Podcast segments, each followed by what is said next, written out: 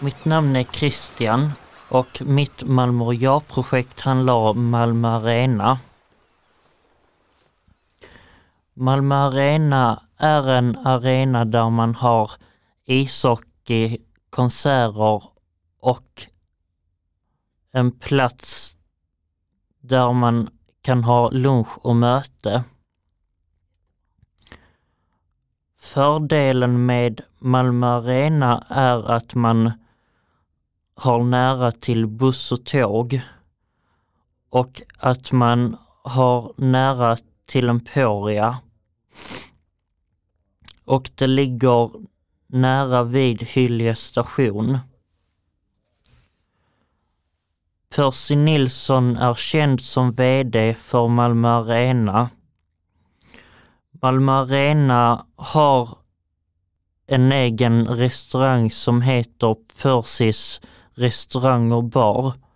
Visste ni att Malmö Arena tar in 15 500 åskådare? 53 platser för personer med rullstol och 53 platser för deras assistenter. Och det byggdes 2007 och invigdes den 6 november 2008. Arenan ägs av Parkfast AB. Den är 51 000 kvadratmeter inuti, 22,5 meter hög.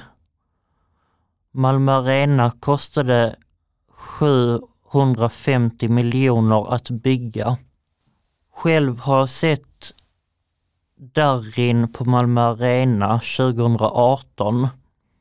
Darin har jag följt sedan han kom tvåa i Idol. Jag minns att det var fullsatt och att han gjorde ett medley av sina gamla låtar. Det var fett coolt. Och han bjöd upp Eagle-Eye Cherry och Maja Ivarsson.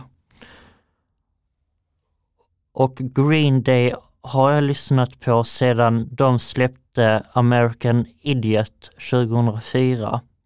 Sedan dess har jag alltid lyssnat på dem. Och jag har sett dem en gång live på Malmö Arena. En sak jag minns tydligt var att Billy Armstrong sågade Donald Trump och jag köpte en t-shirt. Det här var en av bland mina bästa konserter.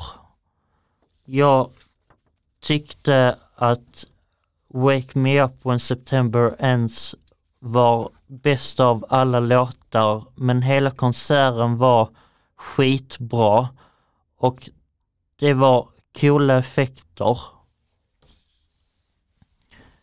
Eurovision har följt sedan år 2000 och 2013 såg jag Eurovision i Malmö Arena och det var det var en ren upplevelse och sånt händer ju bara en gång i livet.